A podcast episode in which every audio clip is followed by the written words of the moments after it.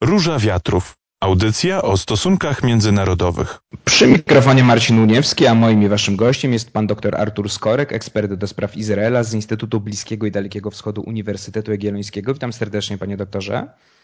Dzień dobry panu i dzień dobry państwu słuchaczom. W Izraelu, który bije światowe rekordy, jeśli chodzi o szybkość szczepień przeciwko koronawirusowi, w poniedziałek rozpoczęto szczepienia nastolatków w wieku 16-18 lat. Według danych izraelskiego Ministerstwa Zdrowia od połowy grudnia pierwszą dawkę preparatu otrzymało niemal 3 miliony obywateli z 9 milionów obywateli, a drugą dawkę ponad 900 tysięcy. No niewątpliwie Izrael jest w czołówce światowej, jeśli chodzi o szybkość kampanii szczepień, o sprawność tej kampanii. To pierwsze pytanie, panie doktorze, żebyśmy tak pokrótce porównali izraelski system z tym polskim, no bo ten jest nam najlepiej znany, jego doświadczamy. Czy mhm. pytanie, tak jak u nas były podziały na grupy, mm, jak wygląda kwestia tego, że na przykład zostaje nadprogramowa dawka, dawka szczepień, czy można, mówiąc kolokwialnie, wejść z ulicy i zaszczepić się, nawet nie będąc z tej grupy. No i ostatnie już takie podpytanie, które podepnę, czy są jakieś zachęty, czy albo myśli rząd Izraela o jakichś zachętach dla osób, które już się zaszczepiły. E, tak, zgadza się. Jest wiele podobieństw pomiędzy tym systemem izraelskim i, systemem polskim, czyli z pewnością Izraelczycy zostali pogrupowani i, i ten wiek był najważniejszą kategorią, czyli najpierw 70-latkowie, potem 60 plus i tak dalej. Teraz od soboty szczepione są osoby powyżej 40 roku życia. Do tego oczywiście wcześniej dostęp miały osoby z e, chorobami współtowarzyszącymi o ostrym przebiegu. No i tak jak Pan wspomniał, e, młodzież 16-18 lat, czyli ta, która jest najbliżej matury, czyli w Izraelu ten e, egzamin nazywa się bagrutem, więc żeby przygotowywali się i jakoś przełamali ten, te problemy lockdownowe z brakiem edukacji, to ta młodzież jest także szczepiona.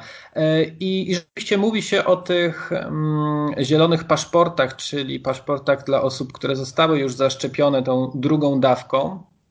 E, Izraelczycy mieliby je dostawać na tydzień po przyjęciu drugiej dawki szczepionki.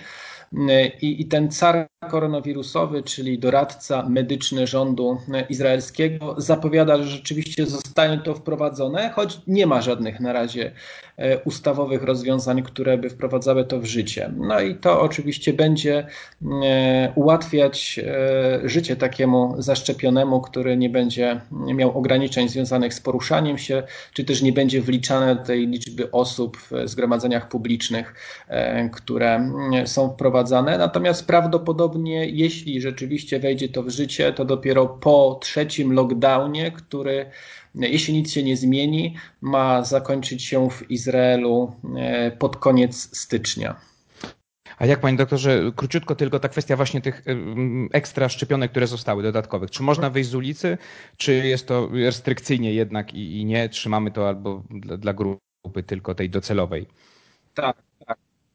Tutaj e, Izrael poszedł ścieżką e, jak najbardziej elastyczną i, i, każdy Izraelczyk w zasadzie może przyjść, jeśli są naddatkowe szczepionki, czyli jeśli nie pojawiły się inne osoby, które były umówione na daną wizytę. No a tak zawsze się e, zdarza, jeśli mamy szczepionki rozpisane na kilka milionów osób, to, to taki Izraelczyk ma prawo. Więc ustawiają się takie kolejki wtedy, tworzą się grupy WhatsAppowe, gdzie Izraelczycy informują się, gdzie powinni się udać, żeby ten naddatkowy dodatkowe szczepionki rzeczywiście otrzymać.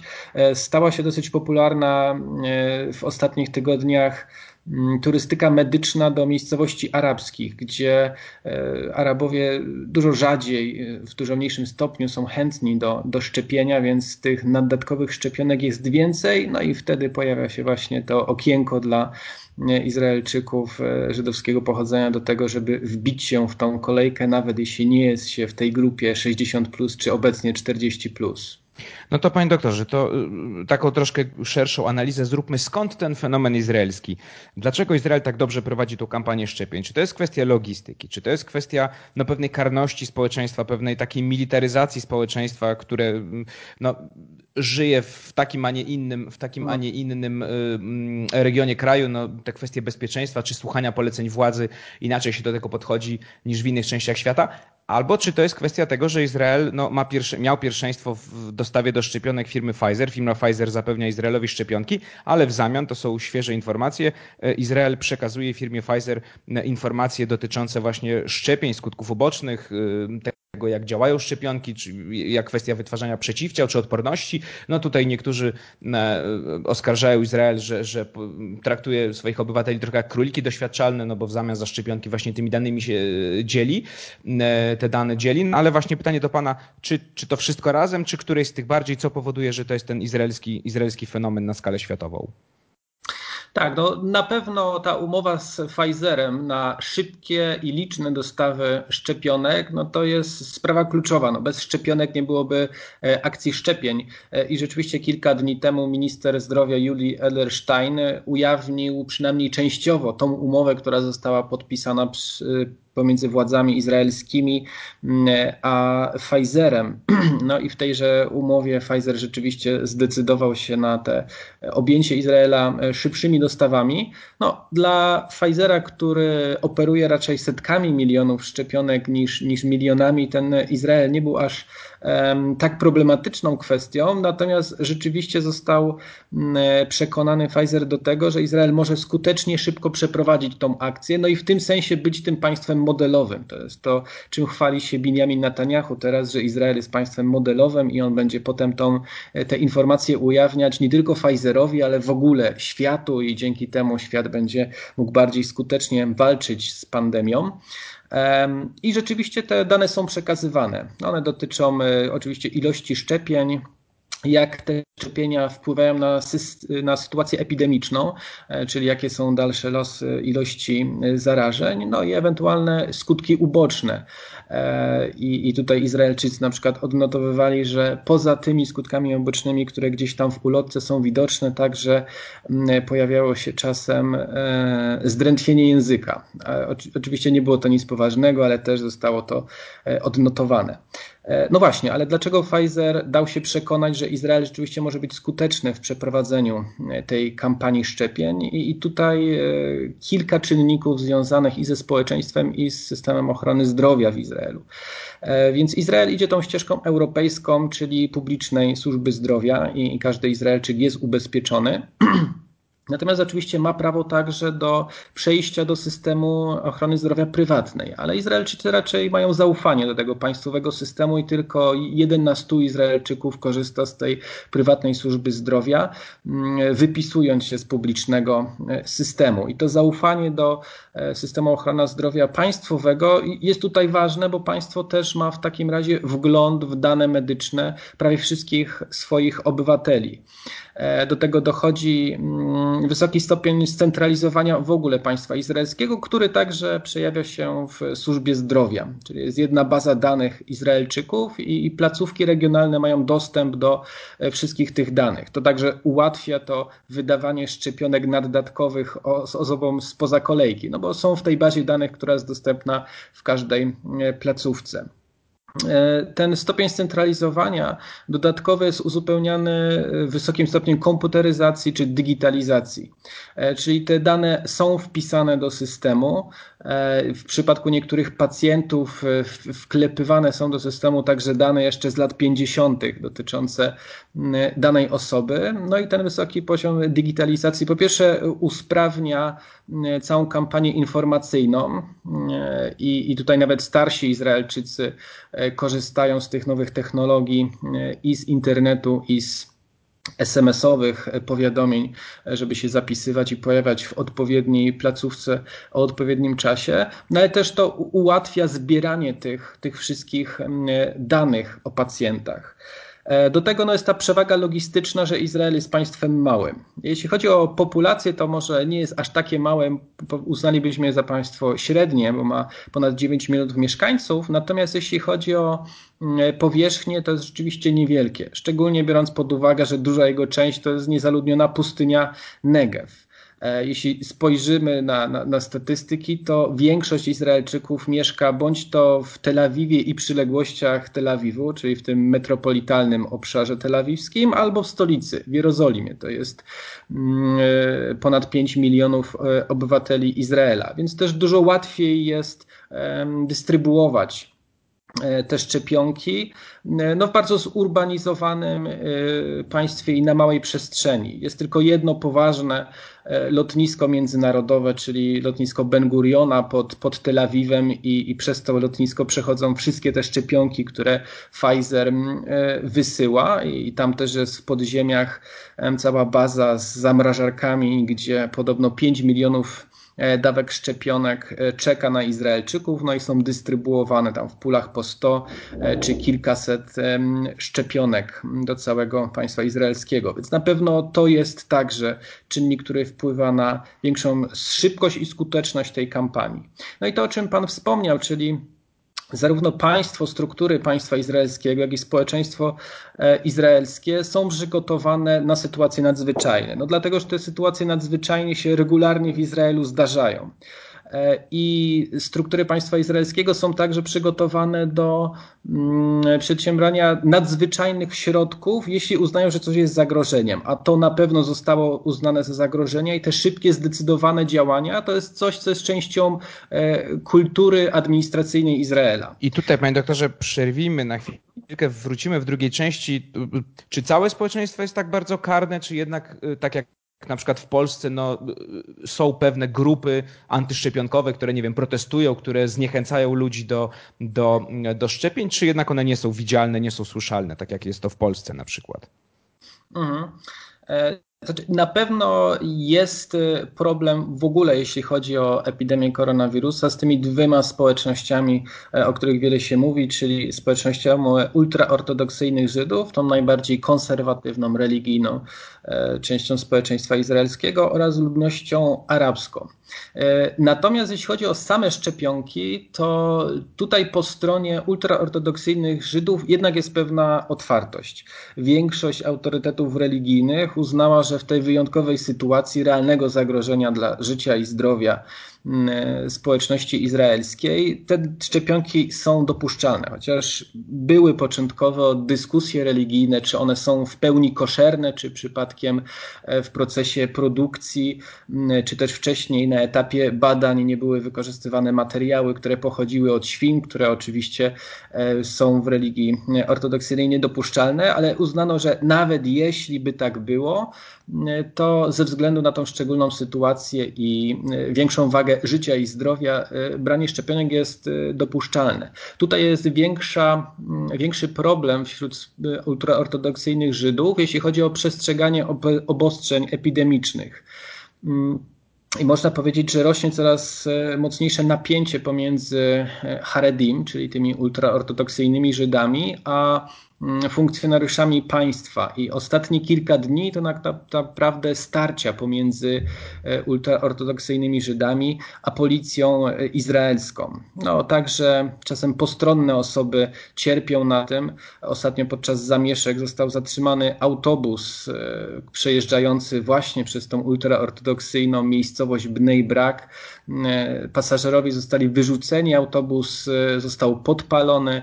No, w tych ostatnich starciach kilkanaście 12 funkcjonariuszy policji także zostało rannych co bardzo rzadko zdarza się w przypadku właśnie tej, tej społeczności e, Haredim, ultraortodoksyjnych Żydów. Oni protestują często, ale ta, ta skala przemocy zazwyczaj podczas protestów jest jednak niska. Widać, że to, to napięcie rośnie. No i... A czemu Arabowie, proszę powiedzieć, ci mieszkający w Izraelu, obywatele izraelscy, czym oni, bo powiedział Pan już też na samym początku, że oni niechętnie się szczepią, stąd Izraelczycy jeżdżą do arabskich miast, no bo tam są te pule szczepionek, mhm. które zostają. Z czego to wynika, proszę powiedzieć? Brak zaufania do, do państwa, czy, E, tak, z całą pewnością. Znaczy, na pewno należy powiedzieć, że to nie jest tak, że w ogóle Arabowie nie chcą się szczepić, natomiast ten wskaźnik e, chęci wśród ludności arabskiej jest niższy niż wśród obywateli żydowskich um, Izraela. I, I, z jednej strony z pewnością jest to brak zaufania do państwa.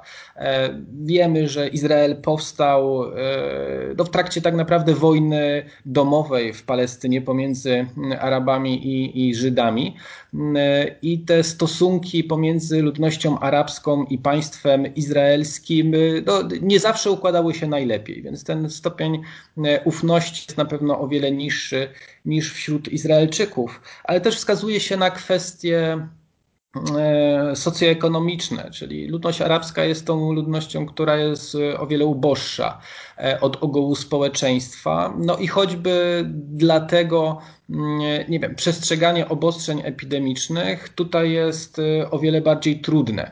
Ale też skupianie się na takich kwestiach jak pandemia być może nie jest ważne w momencie, kiedy E, człowiek traci możliwość utrzymania się, a nie ma żadnych środków e, na koncie w banku, żeby przetrwać ten trudny okres. A, a, należy też zauważyć, że podczas e, epidemii na początku bezrobocie w Izraelu skoczyło w przeciągu dwóch miesięcy dziesięciokrotnie. E, z ponad 3% do ponad 30% ze względu na bardzo elastyczne e, formy zatrudnienia, czyli to, co w Polsce nazywa się śmieciówkami. E, dzisiaj ta sytuacja już jest lepsza i ustabilizowała się, ale to jest taka stabilność na poziomie powyżej 10%, więc to jest poważny problem i, i na pewno dla dużej części arabskiej społeczności sprawa pandemii jest na drugim miejscu, a, a chęć przetrwania ekonomicznego jest, jest na tym miejscu pierwszym. Więc... A co w takim razie, bo to są Powiedzieliśmy o, Arabach, obywatelach Izraela, a co z Palestyńczykami, bo, e, którzy zamieszkują w strefie gazy, zamieszkują zachodni brzeg Jordanu, bo obrońcy praw człowieka oskarżają Izrael o to, że on odmawia szczepień Palestyńczyków, chociaż tak naprawdę no, na co dzień kontroluje ich życie. Szczepi się tylko osadników zamieszkujących tereny okupowane. Z kolei Izrael mówi, że Palestyna nie poprosiła tak naprawdę, no bo te relacje zostały tak naprawdę od, w zeszłym roku zamrożone między autonomią palestyńską a, a Izraelem. No więc właśnie, jak to wygląda? Czy jest szansa, że Izraelczycy y, pomogą Palestyńczykom, czy Palestyńczycy będą musieli czekać na pierwsze szczepionki? Financial Times chyba pisze, że to mogły być marzec, kwiecień, ale też nie wiadomo, czy tak się uda. E, tak, no tutaj e, sprawa jest rzeczywiście e, trudna. I, i, I, z jednej strony jest ta niewielka grupa Palestyńczyków, czy tych, którzy są uznawani za wspólnotę, przez wspólnotę międzynarodową za Palestyńczyków, którzy są objęci szczepieniami, to są mieszkańcy wschodniej Jerozolimy. Izrael uznaje wschodnią Jerozolimę za część Izraela, a więc ci Arabowie, którzy tam mieszkają, są objęci tą e, kampanią szczepionkową izraelską. Chociaż odmówili posiadania obywatelstwa Izraela, ale mają status stałych mieszkańców i w związku z tym są objęci także ubezpieczeniem zdrowotnym, a więc także ubezpieczeniami.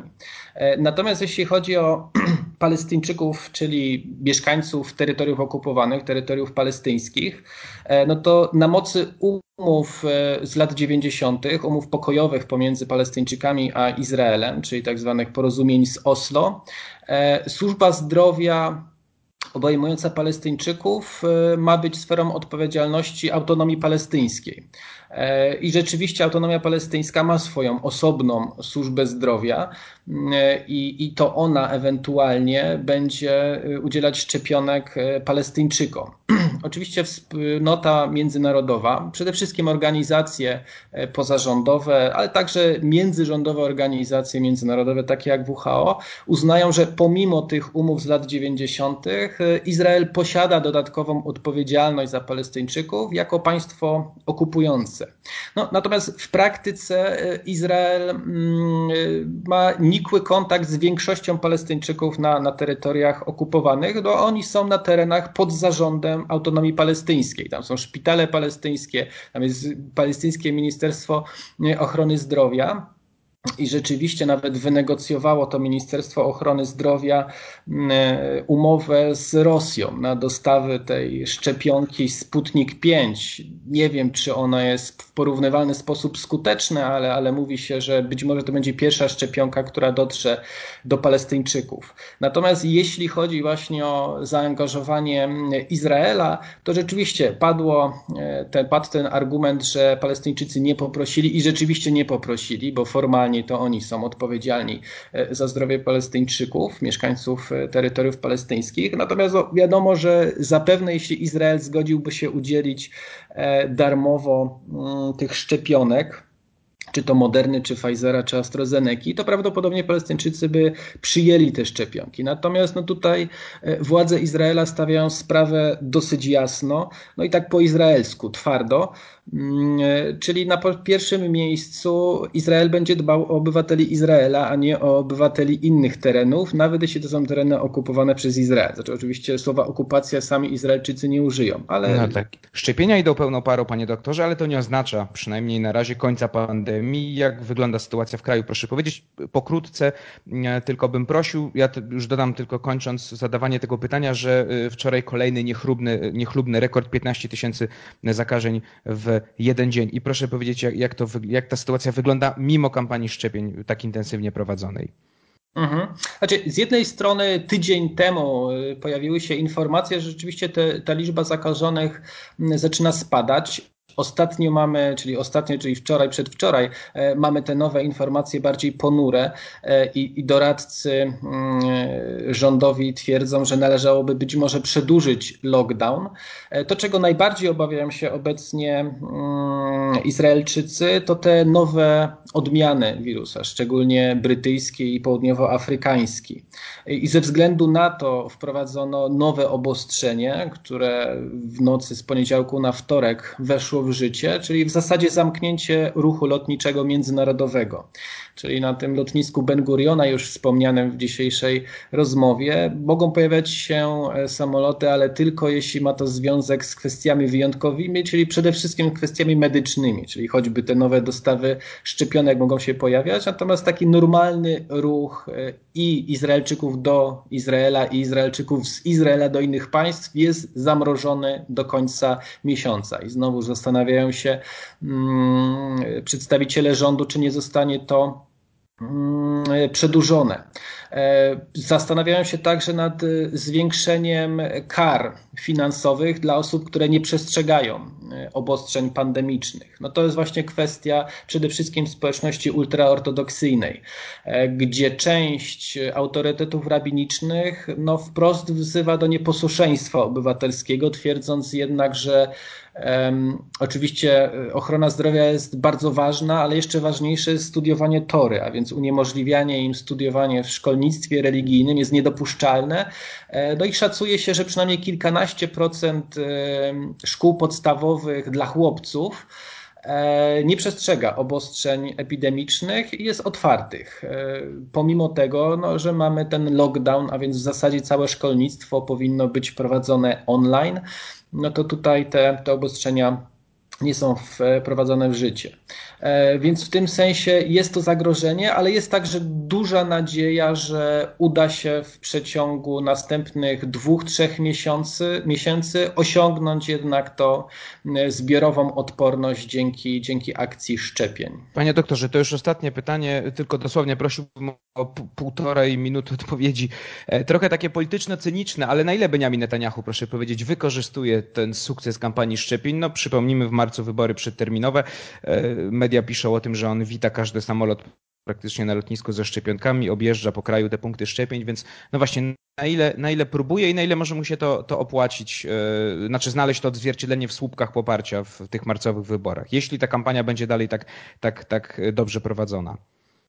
No tak, z pewnością wykorzystuje w 100% e, tę sytuację i zawsze przedstawiał się jako cudowne dziecko polityki, czy jeśli chodzi o kwestie bezpieczeństwa, czy o kwestie rozwoju gospodarczego, e, czy kwestie polityki zagranicznej. No i to jest kolejne pole, gdzie rzeczywiście są realne sukcesy, więc, więc z pewnością Benjamin Netanyahu już wykorzystywał i będzie w jeszcze większym stopniu w przyszłości wykorzystywał ten sukces Izraela, jeśli chodzi o szczepienia i, i walkę z koronawirusem. A proszę to dopytam tylko, czy to jakoś jeszcze, może jeszcze nie było takich sondaży, czy to widać, że jemu faktycznie, jemu Likudowi rośnie po tych szczepieniach, czy to jeszcze nie jest zauważalne?